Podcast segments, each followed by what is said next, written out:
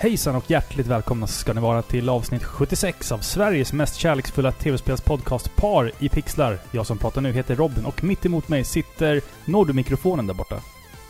Filippa? Hej. Nej. Nej. Jo. Hej. Hej. Din mage börjar bli liksom monstruöst stor här. Ja men tack. Tack, det känns jättefint att höra det. Ja. Ja, det är fortfarande två månader kvar till, tills nästa Ja. barn kommer, men... men Fo- eh, Folk tror liksom att det är nästa vecka. Ja, Ja. det ser nästan så ut. Jo, jag vet. Man, man får väl höra det där som, som gravid kvinna. Oj vad stor du är, oj vad liten du är, oj Ja. vad tjock du är, oj vad smal du är och liksom allt det där. Eh, Så jag kan tänka mig att det blir rätt så tråkigt att behöva lyssna på det hela dagarna. Ja, men det gör... Jag bryr mig inte så mycket. Nu, jag, jag kanske har missat det, men har du haft det här eh, som gravid kvinna att, att främmande män vill ta dig på magen? Eh, inte främmande män, men kvinnor gör det. Kvinnor gör det. Mm. Ja. De klappar mig ofta på magen. ja. Och har åsikter och tycker och tänker och... Ja. Män Ja. och kvinnor. Nej, Ja. nu lät jag som min mamma. Eh, nu när jag jobbar så är folk mer trevliga mot mig. Ja, men det är bra. Jag kommer undan med mer saker liksom. Så du kan bete dig som ett riktigt as på Ja men jobbet? liksom så här, n- när jag står där för butiken och det är typ 40 pers som väntar på att få lösa in sin trisslott som Mm. inte ger mer än 30-60 spänn kanske. Ja. Så kan jag liksom så här lugnt vagga fram där och de tittar på mig argt och sen ja, som ser de magen och så ja, okej. Du kan tekniskt sett sätta dig där bakom förbutiken och äta glass och så bara står det någon och väntar på dig och bara Hallå, kan jag få hjälp här? Jag äter glass, lägg av! Så kan du bara vinka bort dem. Så här. Ja, Du skulle alltså, komma är undan med det, tror jag. standard. Ja, absolut. Jag gör det hela tiden. Men eh, just det här med, med eh, stora magar och eh, ägg och sånt. Det är ju aktuellt. Och bebisar också är ju aktuellt eh, i detta avsnitt. Och vi ska prata om eh, Super Mario World 2. Kanske Yoshi's- man vill avskräcka Ja, i sånt fall. Super Mario World 2, Yoshi's Island till Super Nintendo ska vi prata om det här Ja. avsnittet. Det stämmer. Vi har ju spelat det här underbara spelet. Ja. Men eh, i vanlig ordning så brukar vi diskutera lite nyheter. Vad har vi spelat den senaste tiden? Om vi har gjort det, så att Mm. säga. Mm. Du Ska- har ju spelat. Ska, jag, ska jag ta mitt första? Ja. Ja. Jag har fortsatt spela Final Fantasy 12, The Zodiac Age, på Playstation 4. Och eh, idag faktiskt så blev jag klar med det. Eh, och sådär. Jag har inte liksom gjort alla, alla de här coola sidequestsen och alla de här coola Monster Hunt-grejerna man kan göra. Utan jag, jag har spelat klart storyn. Eh, jag känner mig ganska nöjd. Jag har gjort lite utav de här... eh, vad säger man? Vad fan heter det? Men så alternativa, Alternativa saker. saker. ja. Precis. Eh, jag, jag har klarat spelet i alla fall nu och jag kommer lägga det på hyllan tills vidare. Eh, det känns... Det kändes jättekul att eh, få spela det här spelet en gång till och som jag pratade lite om det i förra avsnittet här så jag ska inte bli för långrandig men det, det var ett väldigt bra spel och jag tror att om man tyckte om det då så ska man absolut spela det nu igen. Eh, och är man liksom nyfiken på det så ska man absolut testa det för att det är, det är ett riktigt genuint bra JRPG. Med, med liksom... Det, det är som att spela ett MMO eh, RPG fast det inte är online. Nej, det känns jättekul att, spela igenom det och jag... Fan, jag har liksom så fått en ny bild av det spelet. Jag känner så här, fan det är ändå en av de här klassikerna ändå alltså. För att jag var så ung när jag spelade det sist men... Ja, det känns lite som att du är mer eh, mottaglig för den här sortens spel. Och, och, och speciellt den typ av politik som framförs i spelet. Mm, exakt. Det känns som exakt. att du är vuxen nog att förstå dig på det. Mm. Mm. Och sen hela det här äh, license-systemet att du måste köpa ett vapen och sen måste du även grinda så pass mycket att du kan köpa en licens för att få använda vapnet. Det tyckte jag var skitirriterande förut, men nu var det liksom helt logiskt för mig när jag spelade och bara så här, Jag tyckte det var kul att liksom samla poäng och eh, låsa upp eh, nya, nya saker och så här. Så att, nej, fan. Har ni någon gång liksom velat spela det här spelet, så nu har ni chansen att göra det. Så att absolut, plocka upp det nu, typ. Men så jag, nu tänker inte jag prata mer om Final Fantasy 12. Eh, så nu, nu vill jag höra vad, vad du har spelat senaste tiden. Du har också spelat på eh, PS4, eller hur? Ja, jag har Mm. inte spelat jättemycket men jag har fortsatt på Uncharted-äventyret. Mm, vad tycker du om Nate? Alltså, jo. Jag är inte jätte, jätte förtjust i det här spelet. Du är fortfarande kvar på Uncharted 1. Ja, Mm. precis. Alltså det är roligt. Eh, karaktärerna är ju det som driver storyn framåt.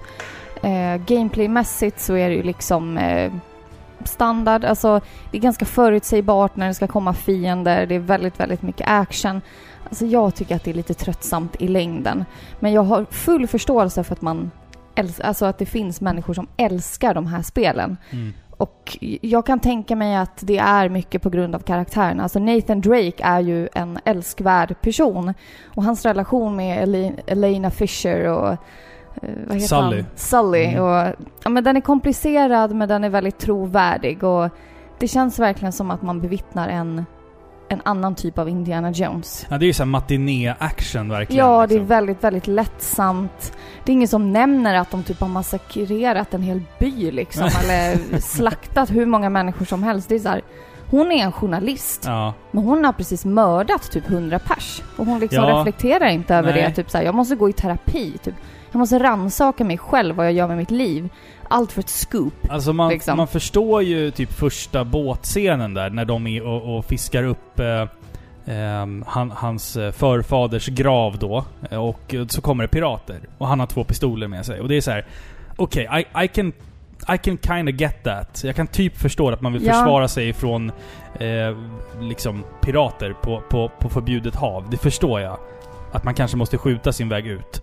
Men sen så när de kommer till den här ön och de bara fortsätter att kallblodigt döda människor. Ja, ja, och hon liksom så här ifrågasätter aldrig Nej. någonsin. Hon bara tar närmsta vapen, laddar om och bara köttar. Man bara... "I- Vem är du? Sa du igen?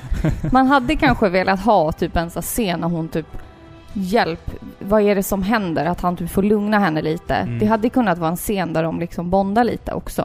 Det skulle behövt ha haft en del som i Marvels, de här Avengers-filmerna, när The Government till Du slut... och ditt Marvel. Ja, jag älskar ju Marvel-filmerna. Men i, till exempel i Civil War så blir de tillsagda av myndigheterna att liksom Tänk på att ni har dödat ganska mycket oskyldiga människor också. Och då blir det liksom en grej av det. Det skulle behövas kanske i Uncharted-serien att ja, Nathan Drake sitter hos en psykolog och bara Du har dödat 8000 människor. Hur känns det liksom? Typ, du är värre än liksom eh, de här stora Ja, Hitler. Okej, d- vi är inte på Hitlers Nej, Hitler count är uppe i några miljoner och sen har vi han Kina där som också dödade ganska mycket människor. Ja, precis.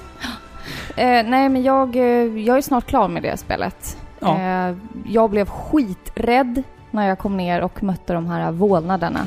Ja, du var inte beredd på att den där skulle dyka upp där alltså? Nej, jag hade med mig i bakhuvudet att det skulle kunna finnas någon form av övernaturligt eh, väsen Mm. mm. som liksom var argt. Ja. Ja, och som skulle störta mot mig.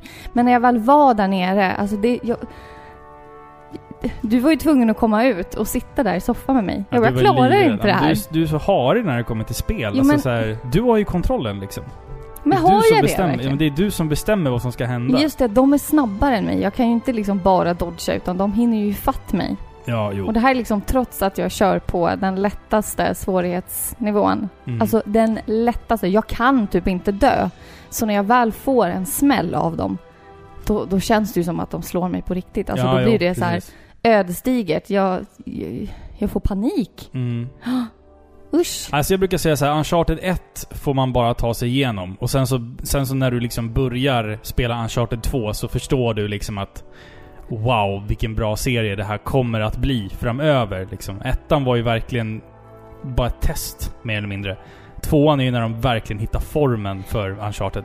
Alltså de här spelen, de, de spelas ju på räls. Mm. Jag hade uppskattat ett sånt här spel där du fick liksom... Eh, alltså det verkligen blir en gåta. Du ska hitta ett arkeologiskt fynd. Du ska lösa en, ett arkeologiskt pussel. Mm. Eh, att du själv får välja vilka vägar du ska ta, vilka...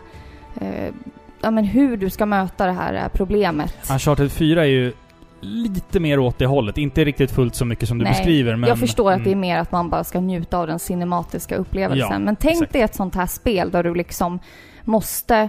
Du har några pusselbitar. Okej, vilket universitet ska jag besöka först? Typ och klättra på hustaken på Oxford University. Mm. Och, eller ska jag åka till katakomberna i Paris och leta efter svaren där? Ja men typ, Det- det National, hade varit- typ, typ, National Treasure, The Game. Ja, typ. ja. jo, fast lite mer... Eh, Utanför USAs lite gränser. mer lik. Ja, Ja, okej. Ja, coolt.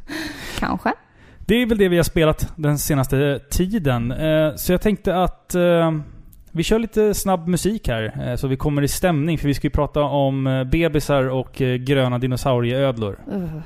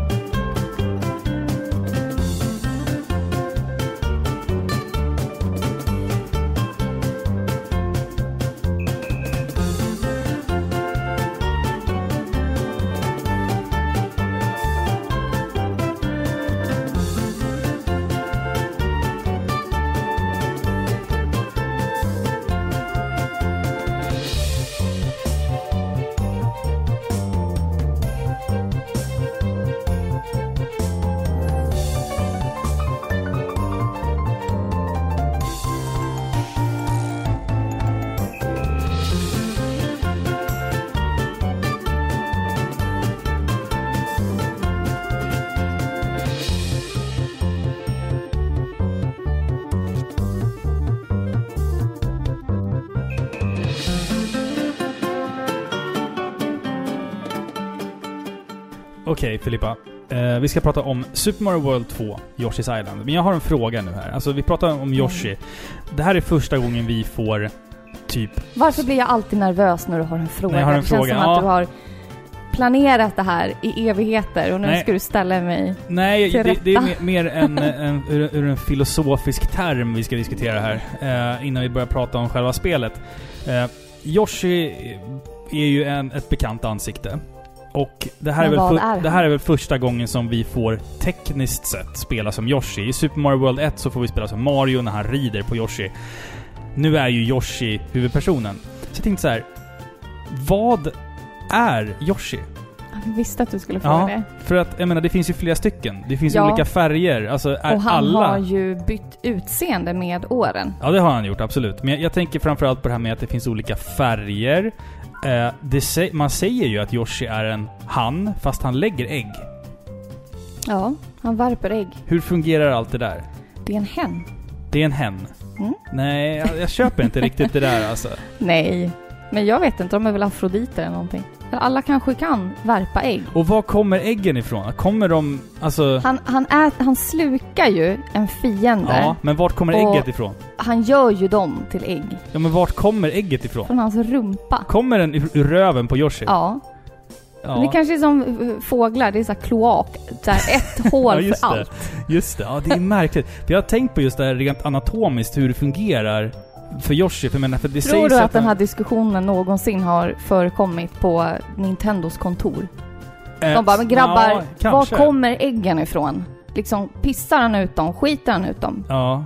Hur går det till? Men sen också så här, är Yoshi liksom namnet på arten? Eller är den här enskilda gröna versionen, är det liksom the Yoshi? Alltså jag har uppfattat det som att det är arten. Okej. Mm. För det är ju liksom, han träffar ju the Yoshis. Mm. Ja, Yoshi's Island ja. Mm. Ja. ja. För det är ju inte bara en. Det är ju inte så här, åh välkommen till min ö. Att dinosaurien Yoshi träder fram och välkomnar dem till ön. Nej. Mm, nej, det är sant. Det är sant. Men om det är någon av er lyssnare som kanske vet liksom, om det finns något svar på den här frågan. Kommer Yoshis ägg ur hans röv? Så kan Ja, ni det väl eh, skicka ett mail till oss på paripixlar.gmail.com så vi kan reda ut det där. Ehm, Snälla, kom med svar. Får jag, får jag dra ett roligt skämt också? När vi pratar, alltså att, att dra en linje mellan, mellan Yoshi och Mumintrollen är ju det är en ganska rät linje liksom. Det är inte många krusiduller på vägen. De är ganska liknande liksom. Jag har inte ens tänkt. Nej. Men varför är Mumintroll så feta? För att de inte har någon rövhål. Ja, den var fin. Älskar, älskar Mumintrollen. Det är så jävla... My, mycket opassande Ja, men saker. alltså Mumintrollen, finns det något bättre? Det är så... Det är så... Det är så alltså den här ani, japanska animerade Mumintrollen eh, som, som vi har vuxit upp med och som våran son ser. Det är så jävla... Eh, det är så dystert hela tiden. Allting är så Ja men jag dystert. säger det! Och så undrar du varför jag tänker... När, när jag hör spelmusik som är så här vemodigt. Mm. Man, man tänker en rysk eller en finsk gumma som sitter och stickar och ser ledsen ut liksom. Mm, Som ser självmordsbenägen ut. mm. Ja. Det är ju finsk finsk tango. tango. Ja, kanske. Ja, Och jag, så jag, låter ju allting i Mumindalen. jag började ju liksom... eh, Alltså, jag började liksom förstå det rätt nyligen nu när vi, när vi har börjat återupp, återuppta Mumintrollen eh, med våran son här. Att det är så här, vi såg i något avsnitt här med Mumintrollen liksom, det är så här. De får besök av en, av en kar en regnig natt som säger att kometen kommer och kommer förstöra allt liv i Mumindalen. Man bara wow, this is some deep shit. Det är Ja så här det är. Final Fantasy 7-eskt. Liksom. Alltså, jag börjar gilla Mumin. Jag skyddade ju som pesten när jag var liten. ja, men, men Snusmumriken är fan den coolaste jäveln Ja, i stan alltså. Shit vad han är tuff. faktiskt. Och han är alltid så jävla smart. Han har alltid en liten kniv med sig också. Så här, cool liksom. Jag Han- märker, jag märker att du vill vara som honom. Han lurar ut Mumintrollet ut i skogen så här. Nu du Mumintrollet ska du få smaka på ett stål i magen. Och så dödar han Mumintrollet där och Nej. käkar upp honom och lämnar Jag, Mumindalen. jag gillar Lilla My. Och Ja, hon säger det alla tänker. Enkrig. ja. Ja. Och Sniff som är feg. Ja, Morran är ju hemsk alltså. Nej, Isfrun hon är bara missförstådd. Ja, och Ja. ensam. Ja, Ja. det är så det ska vara. De förstår inte. Men nu, alltså nu, Ja, nu vi måste, får vi, vi måste skita ta, ta oss tillbaka till Ja. Yoshi's... eh, Super Mario World 2, Yoshi's Island. Ja, kan inte Eh. du dra lite snabbt när det här spelet släpptes och vilka som har gjort det? Ja, eh, det här spelet är alltså släppt till Super Nintendo. Det är även släppt till Game Boy Advance vid ett senare tillfälle också, Virtual Console. Men den versionen vi har spelat är den till Super Nintendo. Den släpptes i januari 1996 och är producerad av Shigeru, eller Shigeru Miyamoto, förlåt. Shit, jag kommer hamna i helvetet om jag säger fel på hans namn en gång till. Um, andra så här, namn man känner igen det är typ att Koji Kondo har gjort musiken. Han, alltså Zelda, Mario. Vi, vi vet vem Koji Kondo är. I Yoshi's Island så ska vi som Yoshi och Baby Mario ta oss igenom en drös eh, världar i, det här sidoskrollande plattformsspelet. Och det är faktiskt 48 banor. Och eh, vi ska då ta oss igenom de här banorna genom att äta fiender och göra om dem till ägg. Och de här äggen kan vi då använda som projektiler mot eh, större fiender, eller kanske något hinder på banan, eller hur vi nu... Ja, vad vi nu väljer att använda de här äggen till. Och vi ska även samla på oss små gulliga stjärnor. Och de här stjärnorna är ju superviktiga för att när man blir träffad av en fiende, då dör man inte, utan man tappar Baby Mario. Varje stjärna du plockar på dig blir en extra sekund som du har på dig att åter återta Mario. Du måste liksom springa ikapp honom, för han flyger iväg i en liten bubbla och så ska du försöka liksom... Och grinar. Ja, och grinar. Så ohyggligt. Vi, vi kommer till det här gråtet lite senare då. Och eh, bland dessa färgsprakande banor så finner vi oss också ibland inlåsta i en, en och annan dungeon, eller en klassisk liksom Mario-borg. Där måste vi dock skärpa våra sinnen och vara på våra tår lite extra mycket då lösningen för att ta sig till mål inte alltid är rakt fram utan det, det kan vara lite låsta dörrar och lite hemliga rör och det är liksom ett pussel alla de här äh, dungeonsarna. Så att vi har liksom en stor variation på utbudet banor. I våran väg så står ju då invånarna på Yoshiön och eh, jag förstår inte vad Yoshi... För det här är ju Yoshi's Island. Och jag fattar inte vad Yoshi har gjort mot de här invånarna på Yoshi's Island. För de är fucking pissed off på honom. Allting som är sockersött försöker samtidigt att döda dig och se till att du aldrig ska kunna ha kontakt med din bebis Mm. Mario Mm. igen. Med barnskrik ekandes i huvudet så ger vi oss ut på ett eh, riktigt färgpaletterad resa. Minst sagt. Det är Mm. gameplay, så att Ja. säga. Det stämmer. Men det finns ju också en story kring det här, eller hur? Ja, i det här klustret av eh, pastellfärger så finns det väl kanske någon form av story Mm. som vi bara helt enkelt får köpa. Mm. Vi får bara svälja det med hull och hår. Så här är det liksom. Det måste ju liksom förklaras. Alltså det, alltså, för jag menar, generellt så, så är ju temat på spelet ganska udda. Det är en dinosaurie med en bebis på ryggen. Hur fan ska vi kunna Exakt. förklara... Hur hamnade vi här Ja, liksom? Jo, precis. men då kan man ju säga att ja, i det här ursöta spelet, för det är verkligen hur gulligt som helst, så får vi då för första gången stifta bekantskap med hela den här familjen av Yoshis. Den här klanen. Eh, för en dag så ramlar det nämligen ner en bebis mitt i deras djungel. Och den här bebisen visar sig vara Baby Mario. Så det här är alltså Marios första äventyr kan man Mm, säga. mm. Ett av hans tidigaste. Och då får de reda på att eh, att han och hans bror Baby Luigi har flygit i himlen med hjälp av en stork. Det är den här klassiska att de är på väg till sina föräldrar och eh, ja, barnen kommer ju med storken. Det där måste vi också prata om sen. According to Nintendo. Ja, exakt. Så jävla family friendly alltså. Oh ja, oh ja. Till skillnad mot andra saker i det här spelet. Ja. Eh, men då så har de stött på den onde Kamek som har skjutit ner eh, fågeln då. Så Baby Mario har liksom trillat ner i djungeln och hamnat hos The Yoshis. Eh, och Kamek, han har ju sin kum- kumpan Baby Bowser. Mm. Mm. Så det är hans resa också. Eh, och tillsammans då så måste Baby Mario med eh, eh, alla de här Yoshi-dinosaurierna färdas över hela ön då och hitta och rädda hans bror Luigi. Och storken. Och storken. Mm. Man ser inte när den blir kidnappad, men den är det också. Mm. Kommer barn med storken? Ja, För jag har hört att den, Det kan, såg du den väl? kan komma med dinosaurier också. Eller? finns det något barn i äggen menar du, eller va? Nej, nej, men jag menar att dinosaur, det kommer en dinosaurie till din dörr med ditt barn. Här är ett barn. Det är det är inte bara att det finns en version med stork. Jag har även hört den med dinosaurier. Eller var det bara jag som barn som fick höra den kanske? I'm not following. Alltså inte jag heller. förstår inte. Nej, inte jag heller. Jag har bara hört att det, den kan komma med dinosaurier också. Weird. Ja, det är Okej. jätteweird. Um, jag tänkte så här, alltså för att vi, vi, när vi skulle sätta oss ner och spela det här spelet så, så um, kände jag liksom att okej, det finns en bana i det här spelet som är väldigt känd. Som heter Touch Fuzzy Get Dizzy. Och det är ju en bana som vi kan prata lite mer om sen, men den har med vita puffar att göra. Och jag hittade faktiskt sådana där puffar på Ebay. Och jag plockade hem dem. Eh, köpte hem ett par sådana här vita puffar. Ehm, man blir lite snurrig i huvudet av det. Så jag tänkte... Jag, jag spelade in när du och jag satt och käkade såna här puffar. Jag tänkte vi skulle lyssna på det tillsammans, hur det lät. Du ska få sätta, du ska få sätta på dig de här vita hörlurarna. här. Nej. Jo. Sätt på dig de här nu. Så här lät det alltså. När vi... Men får jag hade, vi, vi, ja, vi hade köpt vita puffar. Och, och sen så provade vi dem då. Ja, nu sitter vi här och vid matbordet och vi har ätit vad då Filippa? Vita puffar. Ja, hur smakar de då? Men hur smakar de? Helt okej. Hur, hur mår du i kroppen? Mår, hur mår du i kroppen? Jag mår bra. Jag mår bra.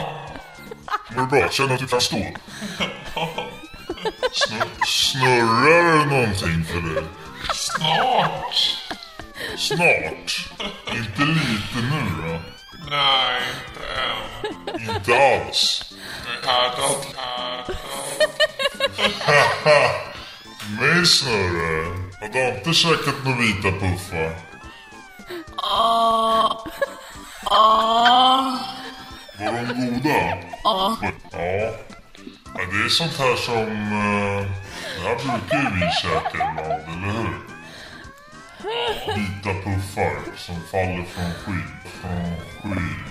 Men, eh, ja, vad skulle du ge de här vita puffarna i betyg då? Av 1 till 10, med motivering. Ja. De var lite fadda i smaken, men jag ger dem ändå en stark sexa. Sexa, sexa, sexa. Ätit bättre puffar. Så där lät det när vi hade käkat vita puffar i alla fall. Kan du prata ens nu? Åh, vad roligt! Det var det du höll på med alltså? Ja, jag, jag spelade in det där och så tänkte... Vi, vi, vi är som sagt emot droger, men när man spelar Yoshi's Island så måste man liksom kanske ta något sånt här någon gång för att... Allt för vetenskapen liksom. Ja, precis, precis. Vi kommer prata om banan Touch, touch Fuzzy Get Dizzy lite vad senare här. Men vi kan börja med att prata lite... Eh, första intryck... Du fortskrattar fortfarande.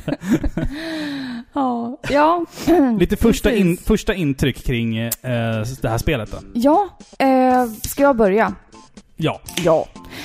Jag, jag har ju faktiskt spelat föregångaren, eh, Mario World 1 då, väldigt mycket. Så jag har ju alltid varit nyfiken på det här spelet. Jag har ju alltid sett att det har varit väldigt annorlunda. Jag har ju sett när du har spelat. Eh, jag har alltid ogillat musiken. Ogillat musiken? Jag vet! Ja. Jag jag har alltid känt att den är liksom höjden av tompighet. Jag har inte kunnat ta den seriöst överhuvudtaget liksom. Mm. Men nu, alltså shit vilket gulligt spel. Ja, visst, visst. Alltså det är... Det är så fint, det är så mysigt. Jag vill liksom äta upp allting. Även det som vill döda mig. Ja, allting ser ju gott ut. Allting är Det gott. ser ju ut som godis allting. Ja, och allting har gulliga små ansikten och... Ja, men jag är... Alltså vid första intrycket så blev jag jätteimponerad av det här spelet. Mm. Verkligen, alltså... Ja men jag... Ja. Mm. Alltså, det, jag, jag spelade det här eh, när det begav sig, 96. Eh, och jag minns det här spelet som liksom barnsligt och väldigt, väldigt enkelt. Men när vi spelade det här spelet nu igen så fick jag bevisat för mig att jag hade fel. Det var ett väldigt svårt spel och mycket, mycket svårare än vad jag minns att det var. Dock är det fortfarande lika liksom färgsprakande. Det är ju, alltså den estetiska designen på det här spelet är ju 100% unik. Oh, det, ja. det, är, det, finns, det finns inget spel på Super Nintendo som ens är i närheten av det här utseendet. Mer om det strax här. Men eh, vi måste också tänka att det, det är, som du sa, Super Mario World 1. Det är ett ganska stort steg mellan Super Mario World 1 och 2. Borta är ju de här frågetextblocken med svampar och du vet, allt sånt där. Det är fortfarande ganska mycket element vi känner igen från Mario 3 och Mario World. Fast rent estetiskt så är det ju någonting helt annat än Super Mario World. Alltså jag förstår inte varför det måste vara ett Super Mario World. Jag, jag kan säga så här. Hade det här spelet bara släppts och hetat Yoshi's Island, då hade det sålt sämre. Ja. Man, man släpade på Mario-loggan för att Ja, det är ett nytt Mario-spel. Alltså det hade liksom fått... Det fick bättre fäste då tror jag. Jag tror bara att det var en, en Men varför ren... inte Baby Mario eller någonting? Det handlade nog bara 100% om marknadsföring, ingenting Ja. annat. Tror jag. Vi glider in på det nu, men om vi ska prata lite presentation och, och utseende och ljud och sånt så... Som vi sa, det är väldigt konstnärligt. Allting ser ju ut att vara ritat av ett barn, typ. Ja, absolut. Det, det ser ut som någonting som typ Dantes eh, förskoleklass har ritat. Mm. Vi, vi, det är liksom stora penseldrag, det är tjocka ki, kritstreck, Mm. eh, det är glada pasteller. Alltså det är otroligt charmigt spel. Eh, och bara det faktum att allting har typ ett ansikte. Ja, det är skitläskigt. Och alla är lyckliga och trivs med livet på Yoshis ö. Alltså det, det är verkligen så. Det här blir lite problematiskt i början för att det är svårt att se vem som är din fiende. Mm. Alltså allting som vill döda dig ser ut som små bakverk liksom. Så det är lätt förvirring där i början. Jag minns att jag liksom, åh vilken gullig blomma, kan den döda mig? Ja, Ja, det kunde den. ja det kunde den. Så ja, Mm. Eh, otroligt vackert. Det är lite lustigt. Eh, det här är lite förvirring för mig. Det Mhm. finns ju enstaka fiender som ser eh, annorlunda ut. lite lätt, Jaha, du Bakom. menar... Ja, ja, lite lätt bakom ja. lite ja. lätt bakom. Eh, jag tycker det är jättecharmigt, men jag vet inte riktigt eh, poängen med det. Nej, alltså jag tror inte att det finns någon poäng. Jag, jag tror att det du syftar på i det här fallet är att det finns en Shy Guy i det här spelet som har ett extremt avlångt ansikte. Alltså det finns fler fiender, Ja, har jag sett, som ser liksom eh, off ut. det ser ut som att de har... Alltså nu kanske jag offendar någon, men det kanske känns som att någon av dem har ett kromosomfel Ja. någonstans. Jo men absolut. Enstaka fiender har det, och det är så här. Det är gulligt att de har slängt in det. Typ en eller två Shy Guys har jätteavlånga ansikten. Man Ja. bara skrattar. Alltså man pausar spelet när man springer på den här och bara sitter och skrattar åt den. Vad är det här liksom? Det är Ja. liksom så här, man känner sig jätteelak. Men de är supersöta. Ja, det är de ju. Absolut. Alltså allting är så gulligt. Mm. Men grafiken känns ju ungefär... Alltså du vet ju hur ett spel ser ut när det är cell-shadat. Ehm, och det här är typ som cell shading fast i 2D. Allting har en väldigt tjock svart eh, outline runt sig. Eh, som att allting är ritat med en tjock svart penna och sen är det ifyllt med färg. Ja, Eh, precis. Så det är typ så man kan beskriva grafiken. Och liksom molnen ser liksom målade ut. De är liksom inte helt vita. Det är lite blått i, som lyser igenom dem och du vet Ja så men här, som att barn har suttit med en tjock krita och Ja, liksom typ. fyllt igen. Det är ojämnt, det är Mm. lite suddigt liksom men... eh, Väldigt, väldigt charmigt. Det som jag tycker sticker ut i det här spelet också, som, som, som gör det väldigt, väldigt levande, det är att vi har först och främst en bakgrund. Som i många fall rör sig. Alltså, moln rör sig, kan komma nå jag vet inte, fåglar som flyger och sen har vi även... eh, Vi har även grunden där vi har Baby Mario och Yoshi som springer. Sen har vi även en förgrund där det också händer en jävla massa saker. Vi har liksom ibland någon liten kristall eller någon lite så här bl- blommor som växer och så flyger det liksom små fjärilar mellan de här blommorna. Alltså det är tre lager med skit. Och det är... Det händer så Det mycket händer hela så tiden. mycket hela tiden, men ändå så blir det aldrig... Eh, jag tycker aldrig att det är en distraktion. Det distraherar aldrig dig. Och liksom, du tänker aldrig det här Åh fan, den där jävla blomman var i vägen. Jag såg inte den där fienden. Ja, det blir aldrig så, för att allting sticker ut lagom mycket. Så att du har hela tiden koll på vart du står, vart fienderna är. Även om det är en massa annat skit som händer. Det är liksom, det är så snyggt. Ja, det är ju lagom mycket. Lagom bra designat allting Och liksom. man märker att de har tänkt på vilken färgpalett de har. Ja. Sånt är ju faktiskt jätteviktigt i spel. Att alltså, karaktären du spelar som får inte smälta in för mycket. Såvida du inte bara är ett sadistiskt svin som vill att ditt spel ska vara omöjligt att klara av, typ. I vissa fall gör man ju så medvetet för medvetet att liksom... Ja. för att. Men annars är ju, en, är ju det en väldigt viktig grej liksom. Att din karaktär måste sticka ut lagom mycket för att spelet ska bli Mm. hanterbart så att säga. Och trots det här spelet som är så fullpackat med färger och saker som händer hela tiden så blir det aldrig för mycket. Mm. Du får inte ont i ögonen av att spela spelet. Nej, precis. Nej. Även om det är liksom mycket eh, starka färger. Eh, ljusblå, ljusrosa, Ja, ja. alltså, eller gul är det mycket av också. Men man, man, man får aldrig ont i huvudet av det liksom. Nej, verkligen inte. Eh, men när vi pratar om miljöerna och hur saker och ting ser ut, Mm. eh, de varierar väldigt, väldigt mycket. Mm. Eh, det är lite klassiskt Mario-koncept att vi får vandra genom djunglar, det är öknar, islandskap eller min favorit, grottor. Ja, grottmusiken är så jävla Ja. bra i det här spelet. Och då alltså. har vi det där som du sa, eh, i förgrunden så har du massa gnistrande juveler och Mm, kristaller Allting och sånt. blänker jättemagiskt. Alltså det är så snyggt. Mm. Det är vackert. Väldigt, väldigt vackert. Och sen i bakgrunden så har vi de här eh, typ som stjärnor som blinkar och någon måne som tittar in genom något hål någonstans. Så det är liksom... Det är verkligen så här. Jag förstår inte hur man kan ha burit sig åt för att göra det här. Visst, det här spelet innehåller ju dock alltså en uppgraderad version av FX-chippet. Alltså FX-chippet var chippet som ett par utvalda Super Nintendo-spel fick eh, för att kunna rendera polygoner. Alltså 3D-modeller. Det går ju inte att Exakt. göra på ett Super Nintendo. Eh, Yoshi's Island har ju Super FX 2-chippet och det är ett chip som gör att du förutom då kan rendera polygoner även kan eh, skala upp små saker och göra dem större. Du kan även rotera saker. Du kan göra en Mm. jäkla massa eh, tekniska grejer med det här chippet som inte, absolut inte ens hade varit i närheten av att gå att göra utan det. Det är därför vi har de här bossarna. Exakt. Många av bossarna är... Bossfighterna i det här spelet, vi kommer att prata om dem senare. Är, Men de kan liksom förstoras upp och bli Ja, jättestora. exakt. Okej, är det med den alltså? Men bara som att vi ser de här Bauhaus som går i bakgrunden. Och du tänker inte mer på dem. Rätt vad det så är de uppskalade och dyker ner framför dig och har sönder banan. Det är en sån här klassisk... De, de har bara skalat upp den där lilla eh, spriten och gjort den jättestor och sen så dyker det ner. Och det är the power of the motherfucking FX2-chip. Vad intressant. Mm. Ja, då, då har de ju verkligen använt det på ett väl sätt. Mm. Alltså väldigt, väldigt bra användande.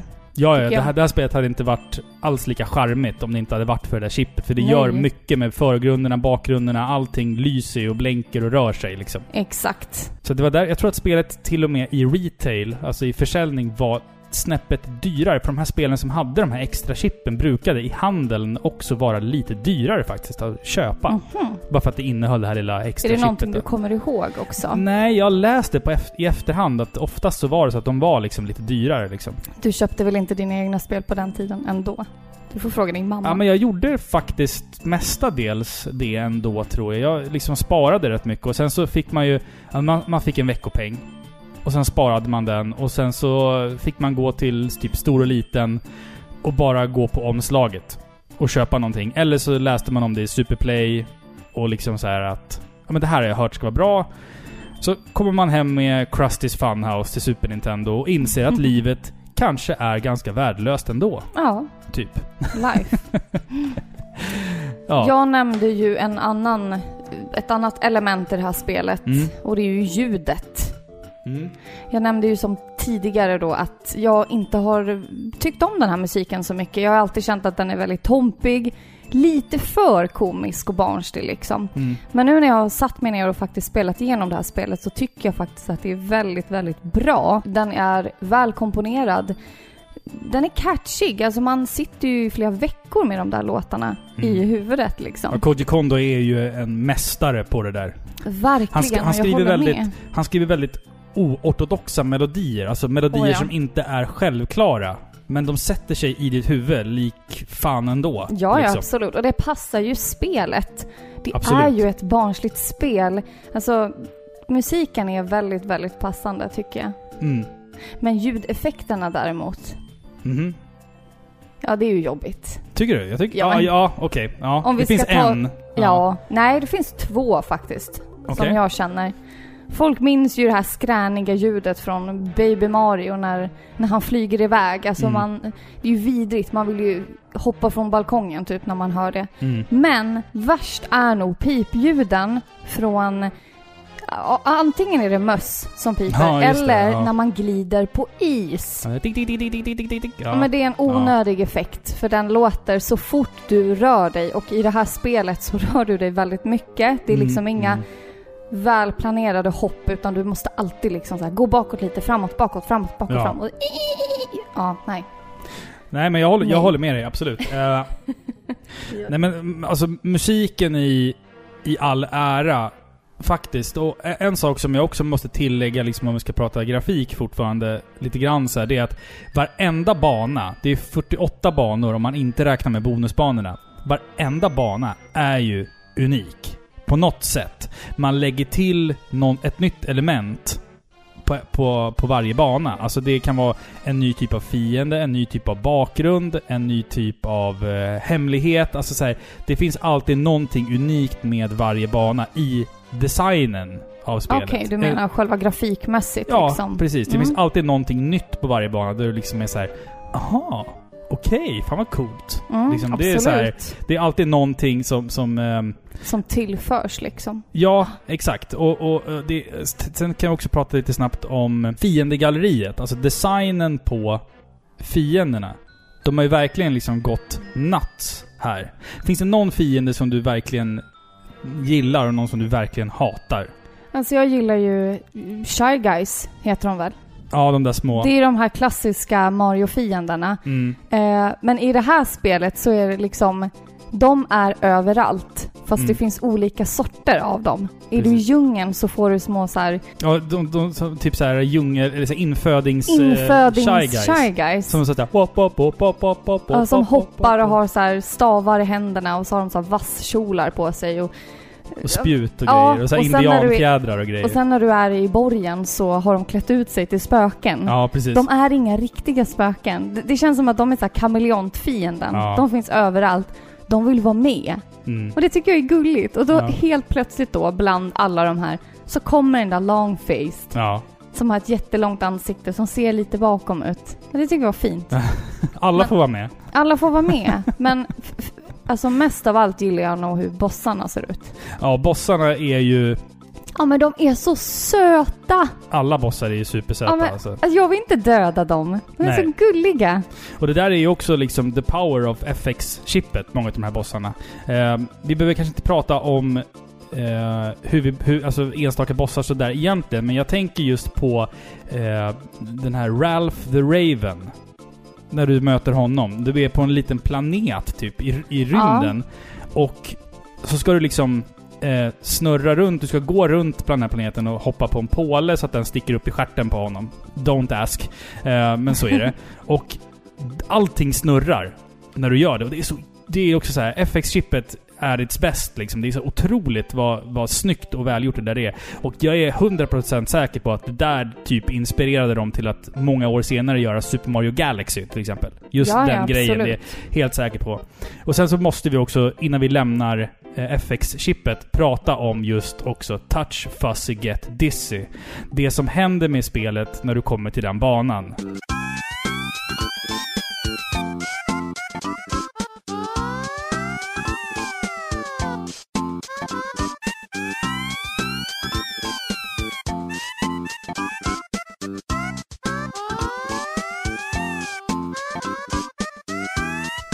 Men då så regnar det i alla fall vita sporer från himlen och det som händer då är att allting förvrängs. Banan får... Det går som en våg genom banan. Det är så att, alltså, vad ska man säga? Yoshi blir superhög. Och han typ får värsta trippen av det där. Så att allting gungar. Banan och bakgrunden och till och med musiken blir du, du, du, du, du. Jag lägger in lite i bakgrunden här så förstår ni vad jag menar.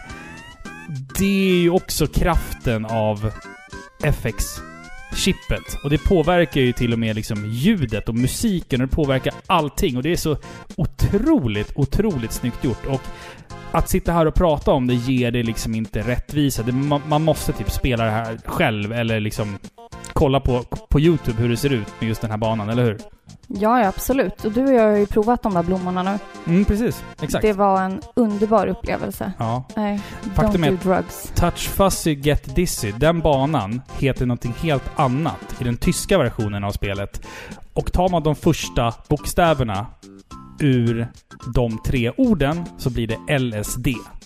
Nej. Tyskarna embraces the Ja, drugs. verkligen. Mm. Ja.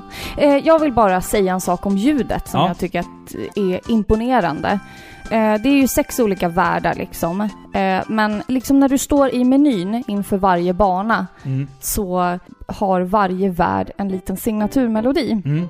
Och i början, första världen då, den är väldigt simpel. Det är en liten melodi, som, en liten slinga som går på där i bakgrunden. Och ju mer du fortskrider i världarna, alltså när du kommer till andra världen, tredje, då läggs det på ett instrument, Ett spår liksom. ett spår. Så att låten blir mer dimensionell och mer djup. Så i sista banan, då är det ju värsta orkestreringen och det är liksom trumpeter och det är trummor Då och är det man är... taggad liksom. Då är man taggad. Mm. Alltså bara en sån sak. De har tänkt på allt. Det motiverar igen till att fortsätta spela liksom. Ja, absolut. Man vill ju veta hur melodin kommer låta. Ja men typ. Ja. typ. Det är en sån enkel liten sak bara, så här, som är riktigt så här, genidrag. Absolut. Och det här kartsystemet, det introducerades ju i Super Mario... Eh, Super Mario Brothers 3.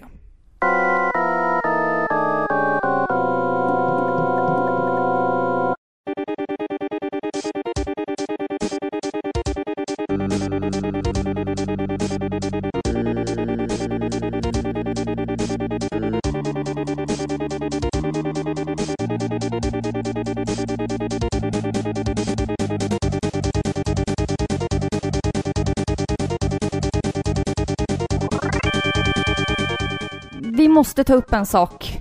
Och det är ju gameplay. Ja. Och det är kontrollerna vill jag börja med. Okej. Mm.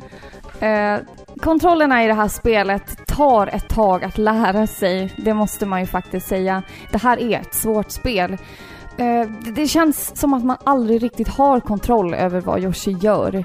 Han bara glider runt och man känner typ att man bara försöker överleva på varje bana. Han har ju typ ett lager Bregott under fötterna. Mm, jag, jag håller både med dig, men samtidigt inte. För att jag, jag tycker att kontrollen är... Den är... Den är lite överkänslig, skulle jag säga. Alltså den är... Om du lär dig att bemästra det här spelet, då är bara eh, känsligheten till din fördel. Men som ny spelare för spelet, och det Då är inkluderar... det vidrigt. Då inkluderar det både dig och mig egentligen. För jag har inte spelat det på liksom 20 år. Så, så då, då känns det liksom att det är lite Bregott under fötterna. Ja, ja absolut. Han är insmord topp till tå. Mm. Alltså du kan inte stå på en plattform utan att glida ner. Alltså... Ska, vi, ska vi prata lite om Yoshis liksom färdigheter? Vad kan han ja, göra? snart. Ja. Jag vill bara säga att i början när jag spelade det här spelet, då tyckte jag att det här var fruktansvärt jobbigt för att jag försökte spela så där snabbt som du kunde. Ja. Eh, men det gick mycket, mycket bättre när jag liksom skippade det och tog det lugnt. Ja, vi, vi spelar ju det här på olika sätt du och jag. Så mitt förslag till er som vill spela det här och liksom har problem med det här, spela inte det som en speedrunner utan alltså ta dig tiden, lär dig dynamiken, tyngden i kontrollerna Mm. och hur Yoshi rör sig så går det mycket, mycket bättre. För så tyckte jag och sen i slutet så var jag mycket, mycket bättre och det blev lättare i Mm, slutet mm. än vad det var i början faktiskt. Men jag har ju en jävla fart när jag spelar spel generellt. Jag vill att allt Ja, ska du gå fort. springer rätt in i fienden också. Ja men det är så här, you have to be brave son. Ja, Och nej, jag- men du har sett för mycket speedruns. Jag tror det också. Jag har ju sett, framförallt har jag sett jättemycket speedruns på just det här spelet. Så jag vill ju gärna, jag vet ju Jag hur man kan göra, jag vet ju hur man kan göra liksom för att ta sig igenom skitsnabbt. Jag förstår Men inte det- det är hur de också kan så här- vara så snabba. Det, det är lite så här kontraproduktivt om man spelar spelet för första gången. Att spela det snabbt. För det är bättre egentligen om man spelar det sakta och upplever allting. Och Ja. tittar noga på allt du ser. För det finns, det finns så mycket små detaljer du inte får missa liksom. Det är synd om du missar det. Men ska vi prata lite grann om Yoshis eh, rörelsemönster? Han kan ju, han kan ju gå. Det, det vet vi ju att han kan. Och han kan ju hoppa. Sen kan han även då använda sin tunga för att äta upp fiender. Och han kan göra det i... Du måste tänka nu, det blir tre olika riktningar. Han kan inte slicka neråt, Neråt. men uppåt och vänster och höger kan han slicka. Inte diagonalt, utan... Och sådär. Eh, han kan hoppa och göra en liten sån här svävargrej. Alltså att han behåller Han kan sin... få en extra liten skjuts om man håller in hoppknappen. Ja, det blir liksom som ett vågmönster nästan. Han tappar lite altitud och sen stiger han upp lite till. Liksom. Han flyger upp den sista Ett biten. litet skutt liksom, eller vad man ska kalla det för. Men den viktigaste grejen han gör, det är ju att han kan skjuta äggen. Kasta sina ägg, ja. Exakt. Kasta sina, sina oimpregnerade foster. Ja, det är förvirrande. Det här tycker jag är väldigt eh, roligt. Mm. Att han kan skjuta ägg, det är ett roligt sätt att... Dels att man tar fiender, men även liksom bonussaker. Man låser upp vägar, man kan låsa upp dörrar. Mm. Jag känner att de hade kunnat nyttja det här fenomenet ännu mer. Tänk dig det Mm. här, de här rikoschettskotten, att man skulle kunna hamna i lite bonusrum där du måste skjuta på ett visst sätt för att låsa upp liksom. Jag tror att det finns såna, fast vi var nog för dåliga för att hitta dem bara. Ah, De okej. finns nog där. Ja, Eh, när man då trycker upp trycker på knappen för att kasta ett ägg, då kommer ju ett sikte upp. Och det där siktet går ju av sig själv. Du kan inte styra det där siktet. Och det tycker jag är väldigt genomtänkt och perfekt som det är. ja hur att- skulle det annars ha varit? Ja, hade då hade varit- du behövt styra med styrkorset och Precis. då hade inte Yoshi kunnat röra sig. Exakt. Nu kan du ju liksom eh, styra Yoshi samtidigt som du mer eller mindre typ påverka... Alltså du kan inte påverka siktet men du kan välja vilken riktning du ska skjuta baserat på din timing. Så att det handlar ju även om... Eh, det handlar ju mycket om timing. För, för att kunna skjuta bra liksom. För att den här går ju upp, ner, upp, ner. Och så måste du så här, träffa rätt sekund. Och det, det, är ett, det är ett lysande sätt att göra det på. För det hade varit bökigt om man liksom skulle ändra altitud på äggkastet med typ L och R. Det hade varit bökigt. Ja, nej det hade jag inte gillat. Man, man har liksom eh, fått, fått in väldigt mycket olika av, eh, rörelser som Yoshi kan göra på väldigt få knappar. Och de har löst det liksom på ett väldigt genialiskt sätt. För att du kan spela spelet riktigt jäkla snabbt. ja, ja, om du är duktig. absolut. Och det är tack vare att kontrollen är designad på det sättet som den är. Anser jag i alla fall. Det finns ju några andra spelmoment eh, som, eh, där du kontrollerar Yoshi eller Mm. Mario. Mm. Du kan ju ibland eh, flyga. Du liksom påträffar en stor kub med typ en eh, eh, helikopter. Eller en ubåt. Eller en ubåt. Eh, Du kan gräva dig som mullvad, dyka som ubåt. Och, och de här momenten är otroligt onödiga. Det här är de värsta momenten i hela spelet tycker jag. Mm. De är otroligt svårstyrda, de är tråkiga, de tillför ingenting. Jag hade faktiskt hellre velat ha det som så att de är frivilliga.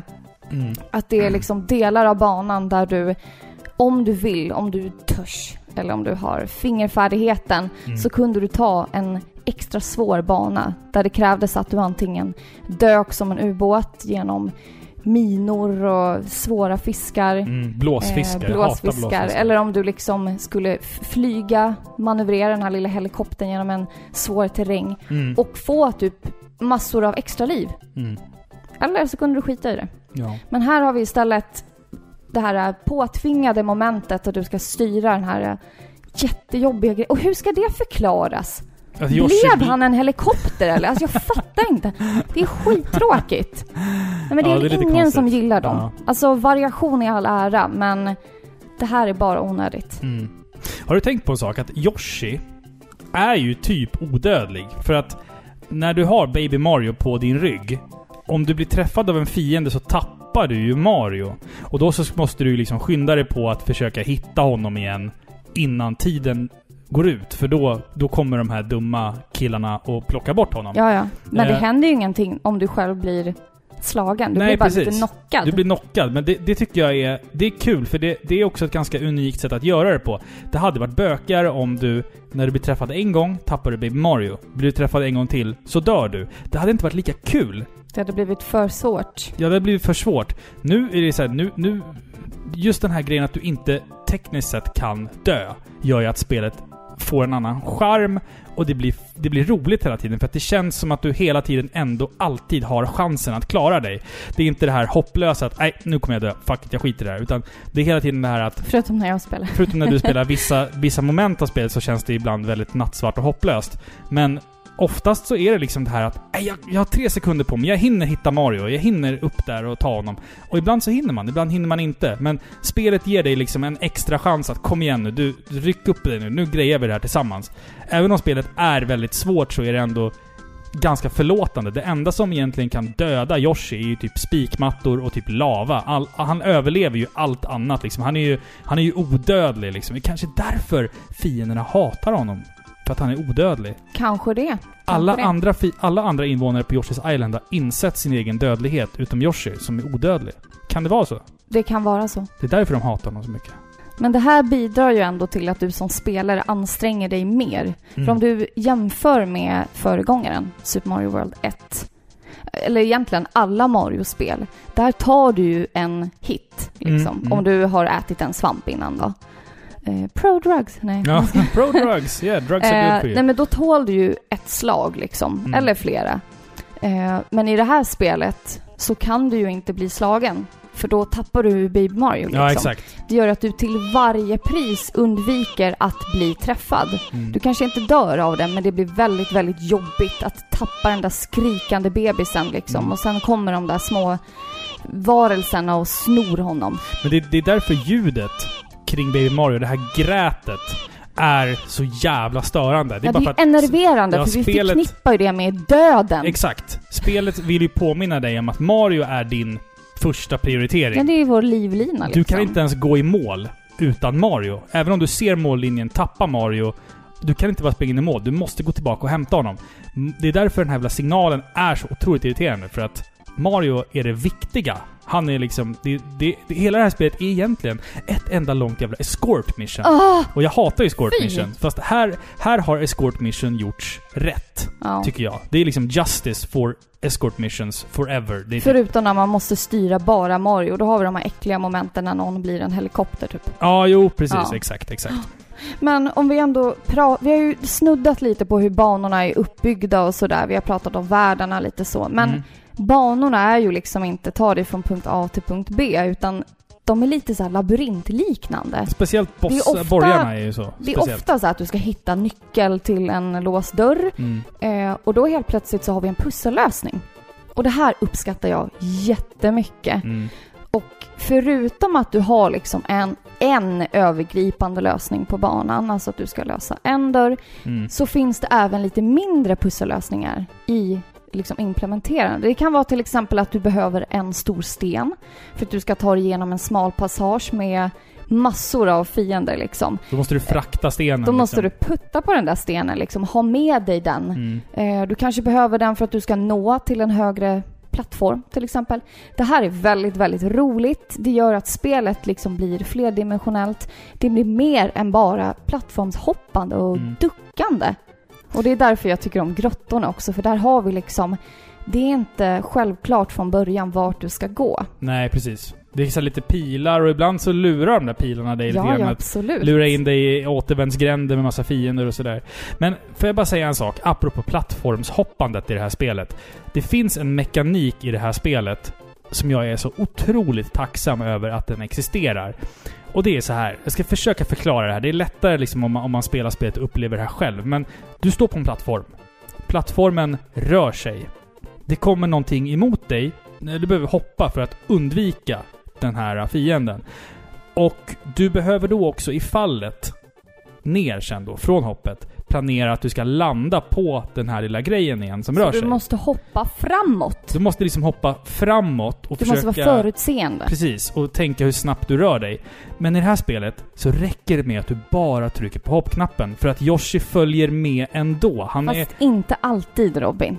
Jo, Nej, jo. nej, 100% av fallen. Så är det så. nej. För, jo, för, jo, det är det Det visst. där är Det, inte rätt. det är visst rätt. Varenda plattform... Eller vänta nu, så här är det. Inte de där flygande Nej. som går på räls. Nej.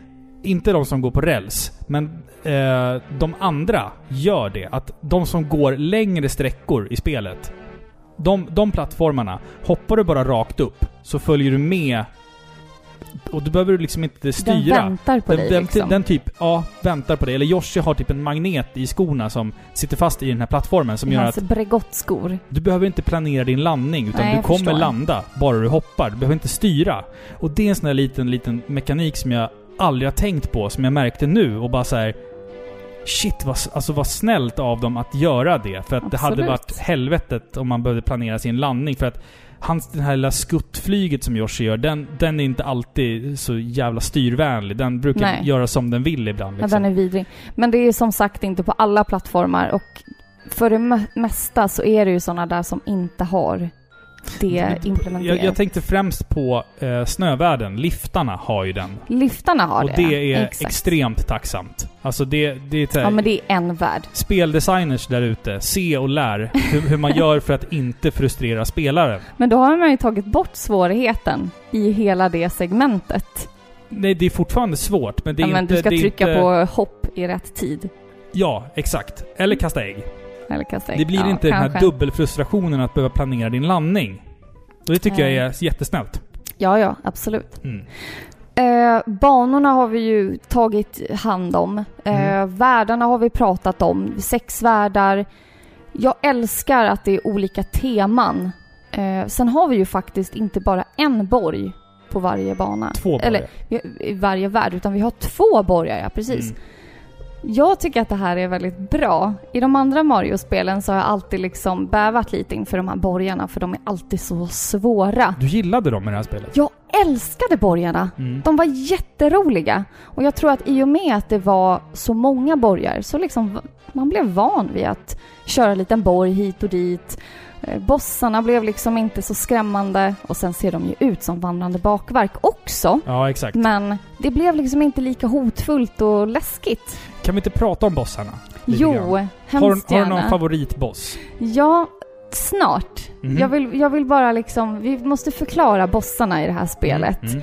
Det är alltså, enligt det här spelets eh, lore, det är vanliga fiender helt enkelt. Mm. Som den här elaka trollkarlsfågeln Kamek. Han förtrollar dem till jättestora bestar kan man Mm. säga.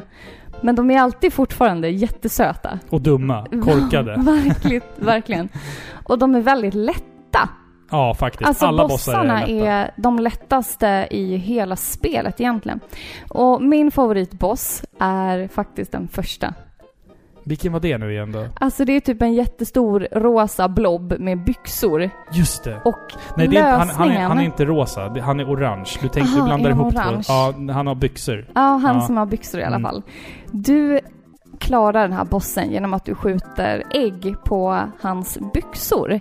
Det som händer är att när du har skjutit tillräckligt mycket, då kommer han tappa byxorna och bli generad Mm, och alldeles röd och så kommer han fly fältet. mm. Det är så gulligt. Alltså var, varenda bossfight i det här spelet är minnesvärd på Ja. sitt eget vis. Jag tänker direkt på den här som vi... Vi streamade faktiskt lite när vi spelade det här spelet och när vi mötte det här, det håriga spöket. Det är ett spöke som är genomskinligt, som har ett hjärta. Spöket är även lite hårigt, det har tre hårstrån. Även hjärtat är hårigt och har tre hårstrån. Det är som att den är lite smutsig. Ja men typ, precis. Eh, sen har den ett helt hundraprocentigt hjärndött uttryck också, den här Ja, stackars spöket. De ser ut som amöbor. Ja men typ. typ. Och du ska alltså... Eh, den här eh, spöket är ju alltså... Dess kropp är ju typ som gelé. Du ska liksom skjuta på samma ställe på den flera gånger för att den liksom får en liten buckla där du skjuter den och till slut så når ju den där bucklan in till hjärtat och så träffar du hjärtat med ett ägg. Vad hemskt. Det är jättehemskt. Men det är också så här, FX-chippet visar verkligen vad den går för. Den kan skala upp fiender och göra dem så otroligt... Det, blir, det bidrar till otroligt minnesvärda bossfighter. Absolut. Ralph the Raven som jag pratade om tidigare, när du ska Ja. springa runt och allting snurrar när du Ja, går, tänk. när du går runt den här... äh, Och sen när han dör, då bara försvinner han och blir en stjärnbild. Ja, det är starkt. Man bara, vad mörkt! Ja, Vad, vad betyder det här liksom? Att- att- att- Fruktansvärt. Baby Mario och Yoshi dödade den där ja, jäveln. slaktar dem. Eh, men sen även slutbossen är ju otroligt minnesvärd och... ja, eh. Där har du ju liksom den mörka himlen eh, och du ser Mega Bowser i horisonten och du ska kasta enorma ägg på honom. Och det är musiken och allting, det är så Men jävla då är bra. ju inte det den Bowser som eh, Mario träffar på senare. Jag tror att det är det. De växer liksom upp sen. Borde varsitt inte det håll. vara Baby Mouse, eh, Bowser? F- nej, nej det kan det inte vara. Så att Mario är baby Ja. och Bowser är baby. Ja. Sen växer de ju upp, så de måste ju vara jämngamla liksom. Ja, Sen får ju Bowser Bowser Junior när Mario är vuxen. Då föds ju Bowser Junior. jag menar att i de senare spelen Ja. så eh, är det hans jämngamla eh, Bowser Ja. som är hans fiende. Ja, exakt. Det var Ja. det jag menade. Ja. Det är ju det jag säger. Ja, alltså det är, är det ju inte den allra slutliga bossen, den vuxna Mega Bowser Nej, nej, nej, som nej, är... Utan han blir ju förtrollad till att bli Mega Bowser av den här jävla trollkaren som jag hatar. Som skjuter grejer på en. Han, Ja! han, han skalar ju upp han skalar ju upp alla fiender till bossar. Ja. Och nu, sen så... Till sist så skalar han ju upp Bowser till att bli en Mega Bowser liksom. Du har rätt. som Jag kommer i sitter horisonten. Här. Jag skyller på att jag är gravid. Jag är lite förvirrad. Vet du det- vad jag trodde? Nej. Jag trodde att det var typ så här. Pappa Bowser, Bowser. pappa. Nej, frå- alltså mystiken kring Bowsers föräldrar är ju fortfarande Men hallå, närvarande. storken? Storken kanske Stork, kommer... Eller kanske en dinosaurie. Vi vet inte. Kan det vara... Kan han vara besläktad med Yoshi tror du? Nej, han är ju en Koopa. Han är ju typ en sköldpadds... Det är Ja, den där mytologiska. Ja, Kappa. Koopa. Kappa. Ja, just det. mm. Nej, men jag tycker i alla fall att de här banorna, bossarna, upplägget egentligen, det är otroligt innovativt Mm. och för sin tid. Alltså när det gäller 3D, alltså du har ju nämnt det där med Ralph the Raven ett antal gånger nu. Ja. Alltså variation med spelmoment. Mm. Och en sak som jag uppskattar så mycket i banorna som är genomgripande är att spelet har humor. Ja, exakt. Till exempel banan här med de här hallucinogena blommorna som gör en hög. Alltså Ja. miljöerna, musiken, allting. Det är ju humor. Och det Ja. gör liksom att man vet inte riktigt så här. Är det ett barnvänligt spel? Svårighetsnivån säger ju att det, ja, svårighetsnivån säger att det inte är vidare barnvänligt, Ja. anser jag. Det, det blir ju väldigt humoristiskt med de här pastellfärgerna, allting är så glatt och sen samtidigt så springer, runt, springer du runt där liksom hög som ett hus. Yoshis blick när han har tagit de där... när Ja men de är ju blodsprängda Ja. liksom och han kan inte stå still. Äh, Han det är stirrar, skitkul han, han alltså. stirrar dött ut i intet och bara... Det, det, det. Och så kan han inte stå still. Han rör sig hela tiden Ja. också så här. Ja, det är så- Ja, Skitbra alltså. verkligen. Men eh, ja, det här spelet är ju svårt. Ja, det är det. Faktiskt. Man blir ju liksom lurad av att det är så gulligt. Man tror att det bara är ett harmlöst plattformsspel, men nej, det är det inte. Och jag tror, för mig i alla fall personligen, så har det att göra med de här svårstyrda kontrollerna. Mm, Faktiskt. Bossarna har vi ju redan konstaterat är de lättaste. De kan ju oftast inte göra någon skada. Överhuvudtaget. Nej, de kan typ knuffa ut dig från kanten. Ja, Det är typ det som Och så är det ett fåtal som liksom kan skada dig. Ja, exakt. exakt. Men annars tycker jag att det här är ett svårt spel. Men som sagt, s- spela inte det här spelet som en speedrunner. Nej, För då kommer ni missa så mycket. jag tror det också. Jag, jag känner att jag kanske gjorde bort mig lite där när vi, när vi spelade liksom att jag... Nej, alltså jag blev imponerad. Du är jätteduktig på det här spelet. Jag är ganska bra på det Ja, faktiskt. absolut. Mm. Men a- alla spelar ju sina spel olika liksom. Det här Mm. var ju första gången jag spelade det, vilket gjorde att jag liksom hasade mig framåt. Jag tog ett steg i- taget ja, ja, visst, liksom visst, och visst. jaha, hur ska jag lösa det här? Ja men du vet. Mm. Det är lätt att man får panik när det är liksom tre stycken så här piranha plants som står och skjuter Mm. eh, eldklot på dig. Ja, det är de Men- värsta fienderna tycker jag. De här eh, piranaplantorna Ja. som, som kastar grejer på dig. Nej, det, vet du vad de värsta är? Nej. Alltså de där piranha plants, de är ändå utplacerade på ett sånt sätt att du kan ta dem. Mm. De skjuter ju eh, och du måste skjuta på dem för att du ska liksom ta dem. Men Har de- du inga ägg, ja, men då kan du svälja det som de skjuter på dig. Mm. Mm. Så det är ändå liksom så här, ja, ganska fair, rättvist, du kan ta dig igenom dem. Men så har vi de här äckliga, vidriga sakerna som, Stjäl Baby som Mario. stjäl Mm. Baby Mario. Det är blåa små tjuvar. Och de är de enda i spelet som ser arga ut. Mm. Typ. Ja, Alla är andra är ju riktigt- så glada och nöjda med livet.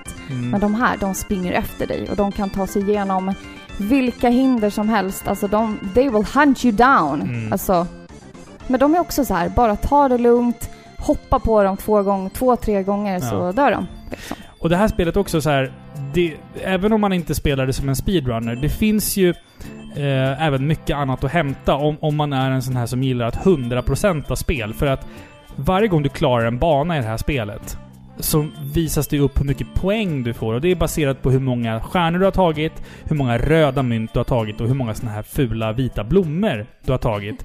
Och sen så räknas det ut en viss procent.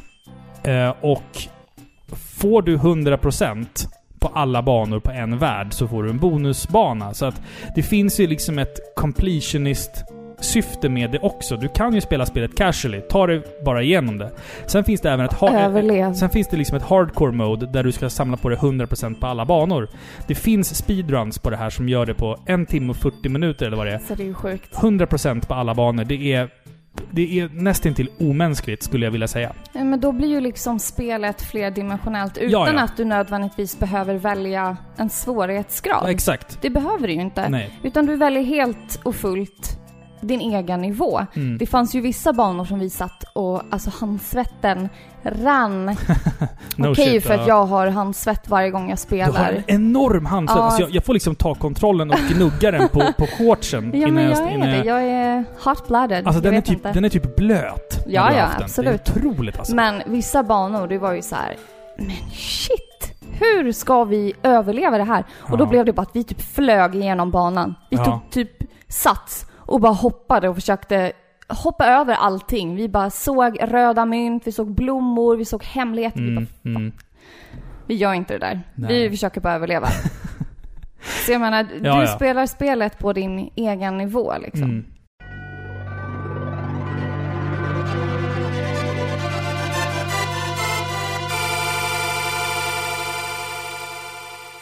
Vi ska strax börja summera här, men jag tänkte... Det, det finns ju som sagt en story i det här spelet. Det finns otroligt mycket man kan ifrågasätta kring den här handlingen. Men liksom, Ja. vad, vad, vad tycker du om, om handlingen? Jag tycker väl inte så jättemycket egentligen. Det här är ett Mario-spel, vad ska man säga? Det kräver ingen djup story.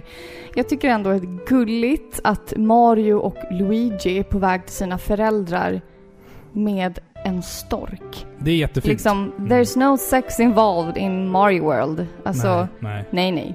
Här är bokstavligen storken som kommer. Som flyger med dem i små knyten liksom.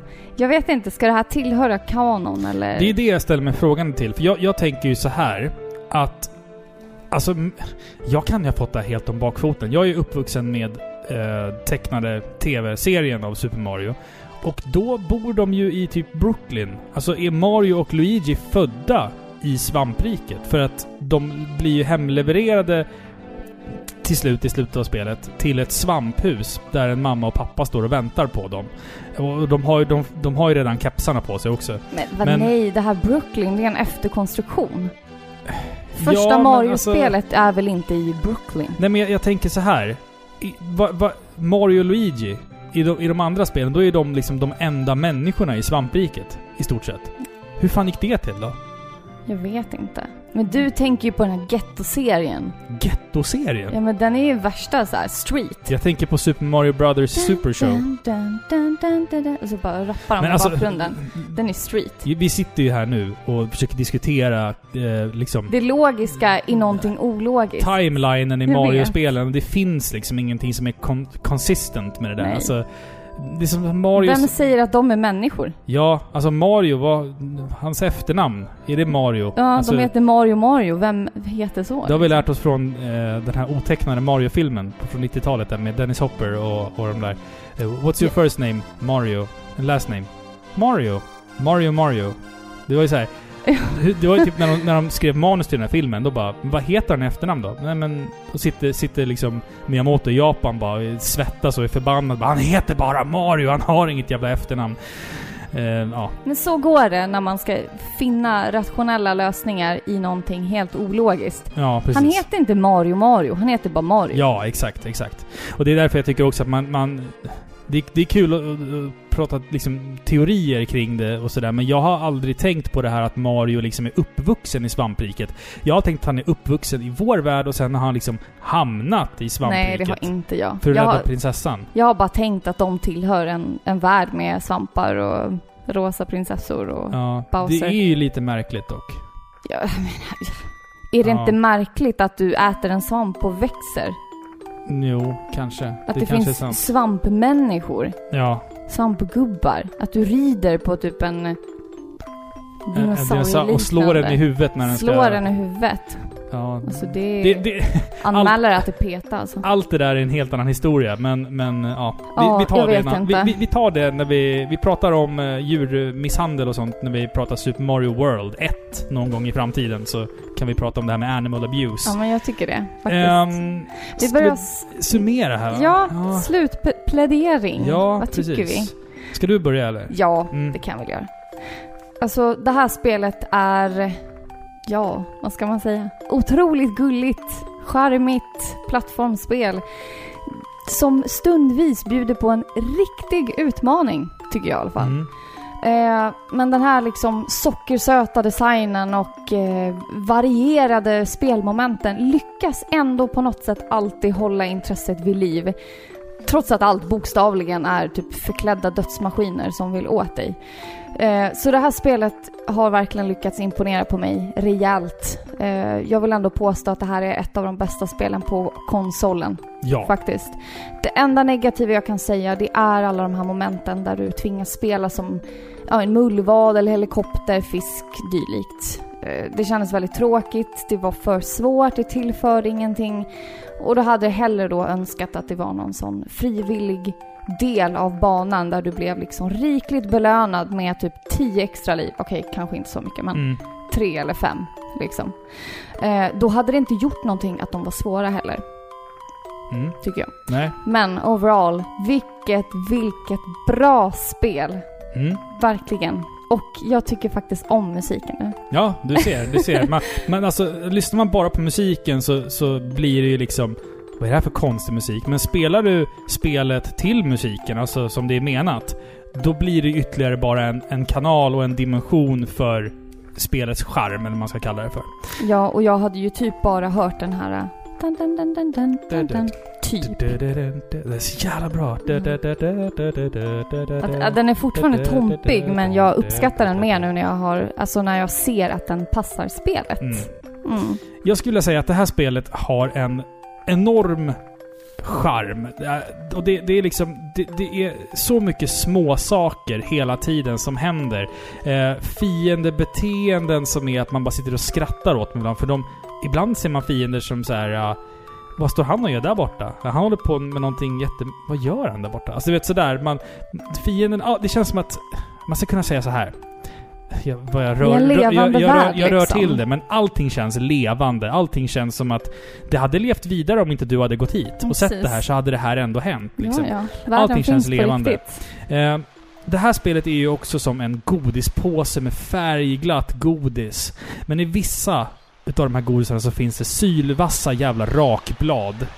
Som du måste akta dig för. Du får inte tugga i dig godiset för snabbt. För då sväljer du det här rakbladet och skär upp halsen och dör en smärtsam och blodig död. Det är typ pastellfärgade cyanidkapslar. Ja, men typ. Lite, nu är vi inne på det här lite grann med knarket igen här. Det, det är, Ja, men det är en rätt väg. ganska, Det är knar, väg. ganska knarkig upplevelse i hela spelet. ja. Eh, Men det är det är som sagt otroligt, otroligt vackert, charmigt och det lockar in dig till att bli en självsadist. Det här spelet är ju det är ju jävligt svårt, men det är samtidigt så jävla, jävla kul. Du älskar spelet. Även om du sitter och svär och hatar det i stunden, så är det så här.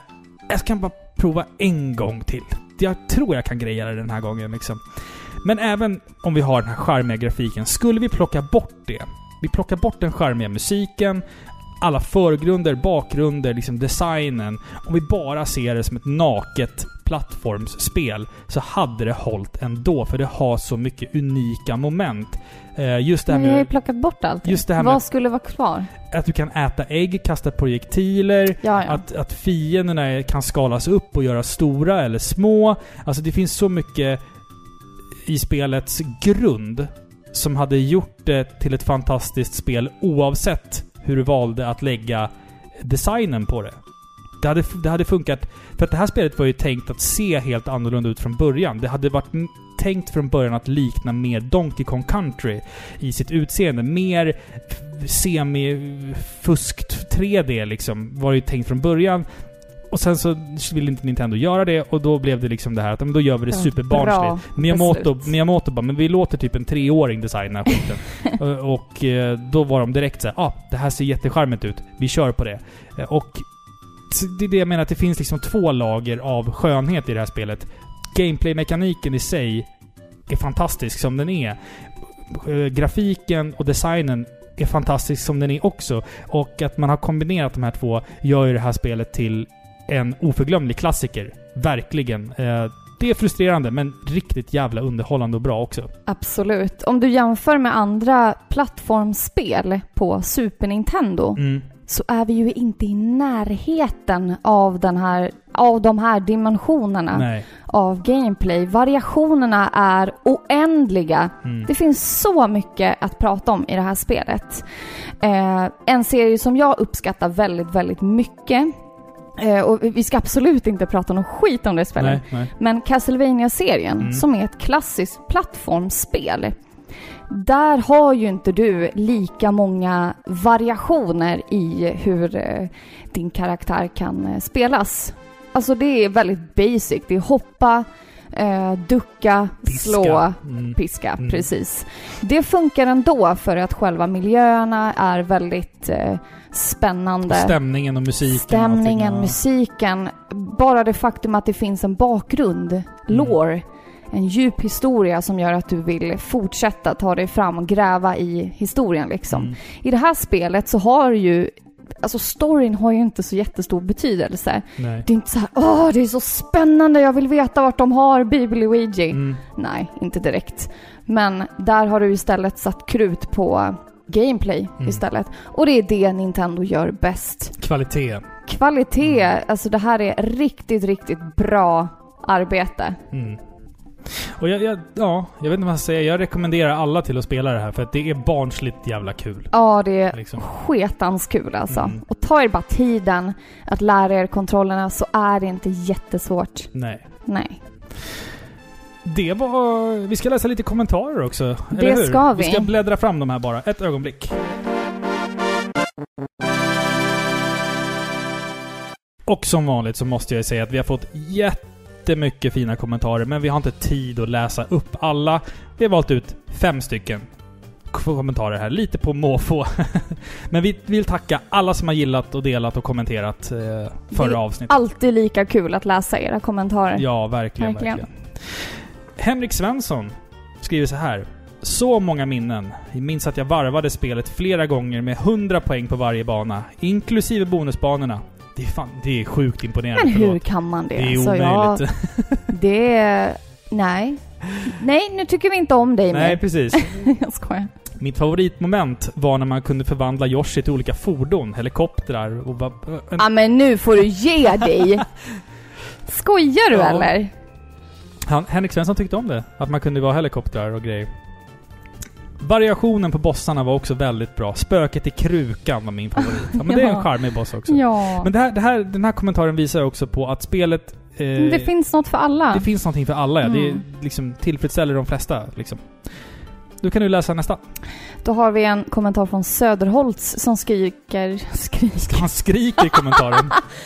Grafik! Grafiken var fortfarande väldigt fin. Nej, Ja, nej. han skriver. Han skriver att grafiken var och är fortfarande väldigt fin. Gillade melodin till introt i början. Sedan är det en bra spelupplevelse rakt igenom. Tappade man Baby Mario, vilket hände konstant, så var ljudet rätt jobbigt. Ett av Super Nintendos topp 10. Mm. Ja, Det kan vi hålla med väldigt om. fint summerat. Det, det är topp 10 på SNES va? Ja, ja, absolut. Ja, det måste det vara. Då har jag fått en kommentar från Retro Game Collector Sweden på Instagram. Han säger ett av de mest överskattade spelen till Super Nintendo enligt mig. Föregångaren är bättre på alla vis, men visst, grafiken är väl unik. Det här uppskattar jag också. Det här är en ärlig kommentar som visar att eh, vi får inte liksom glömma föregångaren. Det kommer ju bli en vattendelare där. Jag har inte riktigt bestämt mig. Jag älskar ju Super Mario World 1 Mm. väldigt, väldigt mycket. Jag är inte beredd att säga att tvåan är bättre. Nej, det är, Nej. Det är ju en vattendelare liksom. Det är en som sagt. vattendelare, så jag, jag kanske är med på hans kommentar, eller hens kommentar. Mm. Eh, jag tycker inte att det är överskattat. Tycker jag inte. Det här Nej. spelet är väldigt, väldigt bra. Men eh, ja, grafiken är unik. Det håller jag väldigt mycket med om. Vi säger så här Retro Game Collector Sweden. Spela det igen. Spela det igen. Och, och ta, ta några vita puffar och spela det. Ja, det blir alltid bättre med det. Ja, Ja. det blir det. Eller så kan du och jag spela ettan. Du och jag spelar Ja. ettan i ett kommande avsnitt. Ja, Ja, det ska vi gång. absolut göra. Så har vi liksom färska upplevelser och Mm. erfarenheter. Mm. Mm. Då har vi en kommentar från Dar... Va? Darth Emil. Ja, det är det ju. Jag bara Dar the Mil. Okej. Darth Emil tror jag Okej, det är. Darth Emil 83 säger off topic, men jag blir alltid sugen på Piggelin när jag ser Yoshi. Mm. Ja, men det blir man väl?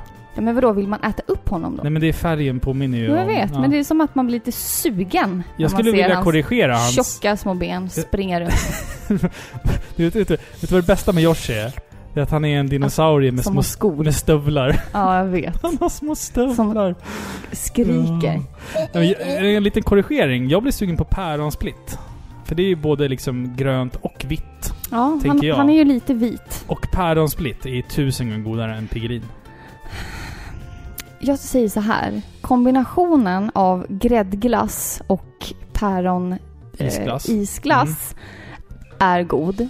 Men Piggelinens eh, isglass är godare än päronsplittens isglass. Hmm. Jag har förresten hetat eh, Pig, eh, Piggelin eller någonting så här. Jag hade någon e-mailadress som var det. Jag tänker inte säga hela. Då letar ni ju rätt på den. Piggelinfilippa92 at Nej. hotmail.com. Nej, Nej. det var Mm. inte ens min första. Men vet du vad vet du vad det är? nu ska jag veta, nu ska jag outa en person här. Aha. Men jag har en bekant Ja. som är född eh, 1988. Mhm. Och då brukar man ju oftast heta sitt namn och 88 i efternamn. Men hon gillade Nalle Puh när hon var lite yngre. Så att hennes mailadress var nasse88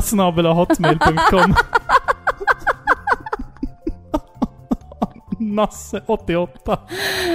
Nej. Jo, det är sant. Det är sant. Men det är ju ett skämt! Du känner den här personen bra? Ja, vi, vi, kan, vi kan eh, ta det efter showen sen. Är det? Nej, nej.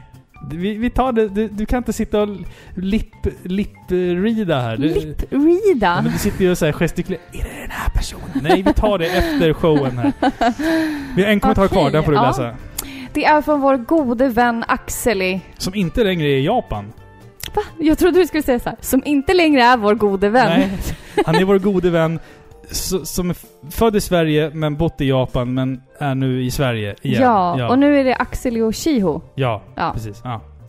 Eh, jag har bara bra minnen av spelet, säger han. Ett av mina favoritspel på SNES. Gillade även Woolly World, som är väldigt mycket samma stuk. Att Baby Mario tjuter så hemskt som han gör är väl en bra sak, för då vill man inte höra det. Och då gör man sitt bästa för att undvika det. Med andra ord, spelar bättre. Ja, Mm. men precis. Ja, men nu, han sätter ju fingret på det som jag eh, pratade lite kort om innan. Mm. Man vill ju till varje pris undvika de här slagen. Man Det är har... det ultimata straffet i ett spel att behöva höra barnskrik. Ja, liksom. exakt. Det hör vi liksom nog med på dagarna. Så att tvingas till ett spel, Ja. det är övermäktigt. Tack för era fina kommentarer hörni. Och vi uppskattar verkligen när ni kommenterar våra avsnitt och vi tycker ni ska göra det mer. Alltså kommentera eh, era tankar och känslor och vad ni vill höra mer av och mindre av. Och Känslor. vad ni känner liksom. Alltså, det, Kamratposten. Ja, Mm. precis. Men eh, ja, vi börjar Ja. bli färdiga här tror jag. Eh, Ja, jag det här har varit jätteroligt Ja, faktiskt att tala spel. om. Kul spel. Men eh, nu är jag väldigt pepp. Nästa avsnitt ska vi göra någonting... Alltså om... Jag tror aldrig att det har gjorts ett tvärare kast i podcasthistorien. Nej, Prata om- verkligen. Prata om Yoshi's Island och sen prata om nästa avsnitt. Ja, precis. Nu har det blivit dags för ett Sidequest-avsnitt. Och Vad för är- er som är inte är bekanta med Sidequest så är det alltså ett avsnitt där vi inte pratar spel. Och det låter ju väldigt lustigt. En tv-spelspodcast som inte pratar spel. Men faktum är att det finns massor av ämnen som ändå faller inom nördgalleriet, om man säger så. Vi har ju talat om filmer och musik och allt möjligt. Sånt som vi tycker är roligt att tala om. Det är lite bonusavsnitt helt enkelt. Mm. Vi kommer tala om två filmer. Och regissören till de här filmerna är en av mina favoritregissörer. Eh, om jag säger så här. Revenge is a dish best served cold. Börjar ni få lite tankar då? Mm. Ja, ja.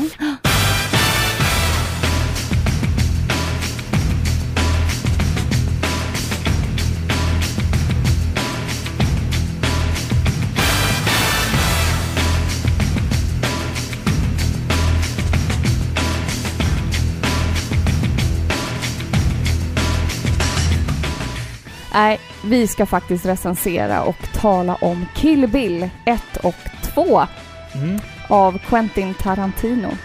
Ja, det ska, bli, det ska bli någonting helt unikt i Paripixlar-sammanhang då att prata... Eh, vi har pratat tidigare om eh, Ter- Terminator. Terminator, vi har pratat om... Eh, vilka mer filmserier har vi pratat om? Eh, Alien. Alien. Ja. Så vi Precis. tänkte väl, alltså Kill Bill är ju... ehm, u- utan att börja spoila liksom. Det, det är ju en, det är två väldigt stora filmer som, som har påverkat eh, en, en hel generation av, Spe- av Min actionfilmer. generation. Ja, din väldigt, generation. väldigt mycket. Ja. Och eh, de två filmerna är ju liksom hommage till så många kända kultfilmer. Mm.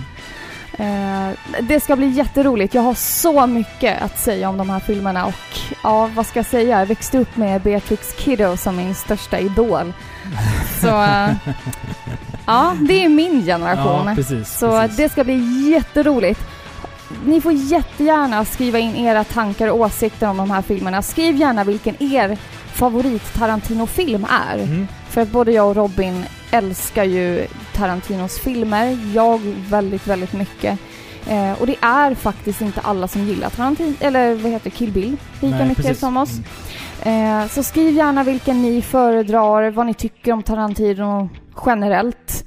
Vi kommer ju alltså, vi kommer prata om Kill Bill 1 och 2, men jag tror att vi kommer ändå liksom ramla in lite smått på de andra filmerna också. Självklart. Vi kommer ju inte gå igenom, det här ska ju inte bli ett Quentin Tarantino-avsnitt. Nej. Men självklart, när man talar om en sån färgsprakande person som han är, Mm. Så blir det ju att man jämför hans filmer, för de är så olika, men ändå lika. Tror du han skulle gilla Yoshi's Island? Ja, i alla fall den där äh, knarkbanan. Ja, Ja, det tror jag. säkert. Nej, han skulle ta fram en revolver och skjuta sönder konsolen tror jag. Ja.